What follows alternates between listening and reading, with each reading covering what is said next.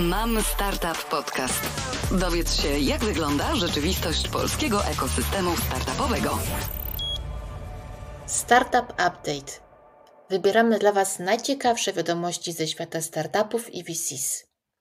Przed mikrofonem Katarzyna Krokulec. O czym dziś powiemy? Oto skrót informacji, które dla Was przygotowała redakcja Mam Startup. Macie problemy z pozyskaniem finansowania? Mamy dla Was małą podpowiedź. Powiemy także o tym, że pojawił się nowy fundusz, który zainwestuje w startupy 60 milionów euro. To nie wszystko, jeśli chodzi o kolejne możliwości dla startupów, ponieważ NATO szuka w Polsce obiecujących startupów deep-techowych, którym zamierza pomóc. Za daleko do szewca, ale bliżej do żabki? Wash Wash oraz Żabka podjęli w tym miesiącu współpracę. PKO Bank Polski wychodzi z kolejnymi niebankowymi usługami. Co znajdzie się w ofercie poza doładowaniami telefonu i pomocą lekarską na telefon? Polski samochód elektryczny, który w testach pokonał prawie 400 km na jednym ładowaniu. Czy to Izera? Nie, to jest Evan, Prawdopodobnie jako pierwszy na świecie osiągnął tak imponujący wynik. To był skrót naszych wiadomości, a teraz wracamy do pierwszego tematu. Jeśli macie problemy z pozyskaniem finansowania, mamy dla Was małą podpowiedź. Zebraliśmy około 70 funduszy, które aktualnie inwestują w młode spółki. Informacje pozyskaliśmy od PFR-u oraz od samych funduszy. Jeśli jesteście zainteresowani tą formą inwestowania, proszę zajrzyjcie do artykułu Szukasz finansowania? Zobacz, które fundusze aktualnie inwestują. Proszę sprawdźcie te opcje. Są tam nie tylko fundusze VC, ale również private equity, polskie i częściowo zagraniczne, które współpracują z PFR-em.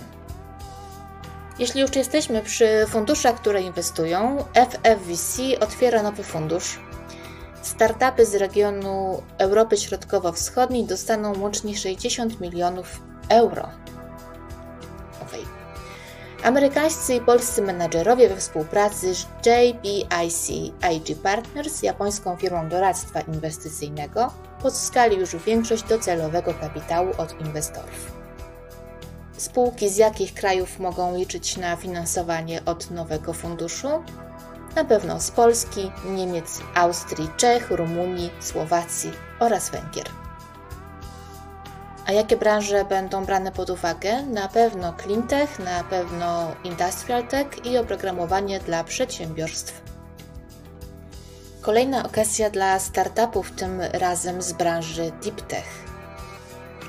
Ministerstwo Obrony Narodowej i Polski Fundusz Rozwoju podpisali 7 czerwca porozumienie na rzecz rozwoju innowacji obronnych w ramach programu Technologie dla obronności w Polsce. Celem współpracy jest wspieranie polskich firm technologicznych w dostarczaniu rozwiązań dla spółek sektora obronności oraz pracę na rzecz otwarcia się polskich instytucji wojskowych na innowacje. Pierwszym elementem współpracy będzie wspólne promowanie i informowanie o akceleratorze Diana, czyli Defense Innovation Accelerator for the North Atlantic. To program uruchomiony przez NATO w tym roku. Jego celem jest wsparcie rozwoju nowoczesnych technologii, które można wykorzystać wewnątrz sojuszu. Diana oraz Ministerstwo Obrony Narodowej poszukują przede wszystkim firm technologicznych z dziedzin takich jak bezpieczeństwo informacji, monitoring i detekcja czy odporność systemu energetycznego. Ale zgłosić do udziału w akceleratorze mogą się też pracujący nad technologiami medycznymi, dronami, sztuczną inteligencją czy komputerami kwantowymi. Co warte podkreślenia, poszukiwane są rozwiązania, które mogą być prowadzone do użytku w formule dual use, czyli do podwójnego zastosowania na rynek cywilny i wojskowy. Technologie podwójnego zastosowania wspierają innowacje i konkurencyjność gospodarki, wpływają na rozwój branż, takich jak energetyka, telekomunikacja, przemysł kosmiczny, chemiczny czy biotechnologiczny. Udział w programie Diana pozwoli startupom i firmom technologicznym na doskonalenie swoich rozwiązań w jednym z 11 europejskich centrów akceleracji i testy technologii w 71 centrach testowych, tym 7 zlokalizowanych w Polsce. Akcelerowane spółki otrzymają także granty w wysokości do 100 tysięcy euro na pokrycie kosztów uczestnictwa w programie. Nabór do akceleratora Diana rozpocznie się w drugiej połowie czerwca bieżącego roku. W Żabce można zamówić usługę szewską. Zlecenie zrealizuje Wash Wash, marka stworzona przez Martynę Zastawną. Od 5 czerwca można oddać swoje buty do sklepu Żabka, by Wash mógł dokonać profesjonalnej naprawy lub czyszczenia. Przykładowo, wymiana fleków lub zelówek kosztuje 35 zł, a standardowe czyszczenie 59. Dostępne są także pakiety czyszczenia i napraw zawierające impregnację czy ozonowanie oraz pakiety dedykowane butów sportowych lub eleganckich. Czas realizacji zamówienia wynosi od 10 do 14 dni na usługi czyszczenia obuwia oraz do 14 dni dla pakietów i napraw szewskich. Wszystko, co musicie zrobić, to wypełnić formularz na stronie Żabki oraz zanieść obuwie do najbliższego punktu tej sieci. Wash Wash to pierwsza w Europie firma zajmująca się cyrkularnością obuwia. Powstała z zamiłowania do butów i ekologii oraz potrzeby realizacji idei Zero Waste. Firma działa na rynku od 2015 roku. Dała drugie życie już ponad pół miliona parom butów. Zapytaliśmy Martynę, jak układa się współpraca z Żabką po tych 10 dniach. Martyna napisała nam, że są bardzo zadowoleni ze współpracy z Żabką, zarówno z ilości przyjętych zamówień, jak i z komunikacji całej usługi. Zapytaliśmy również, które z usług w tym przypadku cieszą się największym powodzeniem. Okazuje się, że obecnie największym powodzeniem cieszy się usługa szewska połączona z czyszczeniem, czyli pełen pakiet na nadanie obuwiu drugiego życia. Nie bylibyśmy sobą, gdybyśmy nie zapytali, co w kolejnych planach ma Wash Wash. Martyna powiedziała, że nieustannie rozmawiają z wieloma firmami. Na najbliższe miesiące mają zaplanowanych kilkanaście działań.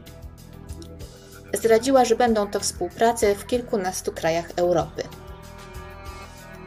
Dużą uwagę również przykładają do corocznej jesiennej zbiórki obuwia dla osób w kryzysie bezdomności. Tu także stawiają na współpracę i tym samym większy zasięg. Szczegóły już poznamy jesienią. PKO Bank Polski rozwija system usług pozabankowych. W ten sposób chce poszerzyć ofertę WAS dostępną w aplikacji mobilnej ICO i serwisie internetowym iPKO. Już teraz klienci banku mogą kupić bilety komunikacyjne, zapłacić za autostradę czy umówić wizytę lekarską. Bank planuje współpracę z kolejnymi dostawcami z branż audiobooków, obsługi nieruchomości czy z serwisami streamingowymi. Dostawcy będą mogli w łatwy sposób połączyć się z bankiem dzięki platformie usług dodanych. Usługi WAS to element realizacji strategii banku przyjętej pod koniec ubiegłego roku, która zakłada nowoczesną akwizycję klientów i rozwój usług pozabankowych. Usługi dodatkowe, tak zwane VAS, z angielskiego Value Added Service, to usługi pochodzące spoza podstawowej działalności danego biznesu. Z danych PKO Banku Polskiego wynika, że już teraz klienci kupują średnio 3,5 miliona usług dodatkowych miesięcznie.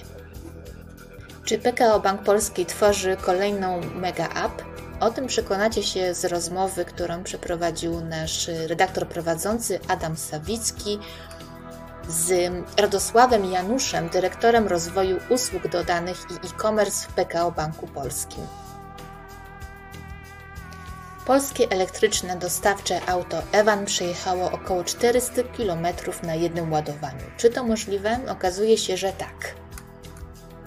Zgorzelecka firma Innovation AG postanowiła przetestować realny zasięg swoich flagowych pojazdów elektrycznych Evan wyjeżdżając nimi na trasy dolnośląskie. Jadąc zgodnie z przepisami w normalnym ruchu drogowym, pojazdy wyruszyły z podnóża gór izerskich i przejechały blisko 400 km.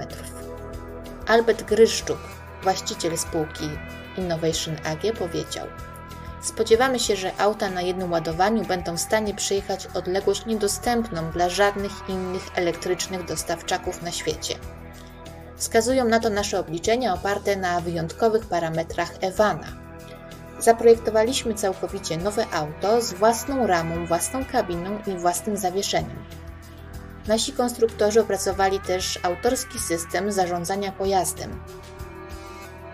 Można powiedzieć, że zgorzelecki startup z tłem rajdowym i klastrowym przy wsparciu NCBIR stworzył projekt, z którego może być dumna cała Polska. W testach NCBIR prototyp Ewana przy obciążeniu wynoszącym 1000 kg uzyskał wynik aż 343 km. Po 350 km w jednym z aut bateria wskazywała jeszcze 19%. Taki zapas pozwolił wydłużyć trasę i przejechać dodatkowe kilometry przed bezpośrednim powrotem do bazy. Końcowy wynik ucieszył wszystkich, było to 396 km. Zespół Innovation AG zagrał w bank i pojechał aż do ostatecznego wyczerpania baterii. Konstruktorzy cieszą się z wyniku, ponieważ baterie i system zarządzania autem czekają jeszcze optymalizację.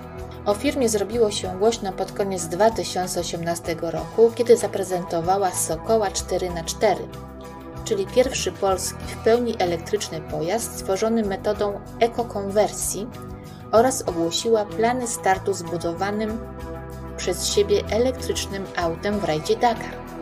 Na bazie ekokonwersji inżynierowie Innovation AG opracowali samochody, które znalazły zastosowanie w kopalniach, parkach narodowych oraz w pracy na ostatniej mili, m.in. dla największej polskiej firmy kurierskiej.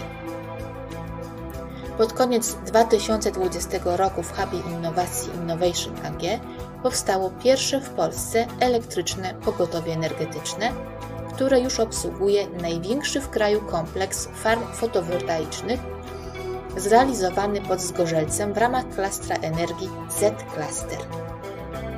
To już wszystkie informacje w pierwszym wydaniu wiadomości Startup Update.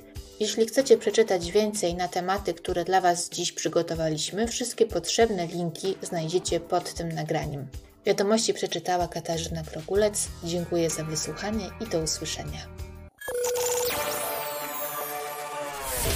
Sprawdź inne odcinki Mam Startup Podcast na Spotify, YouTube, Apple Podcast i Google Podcast.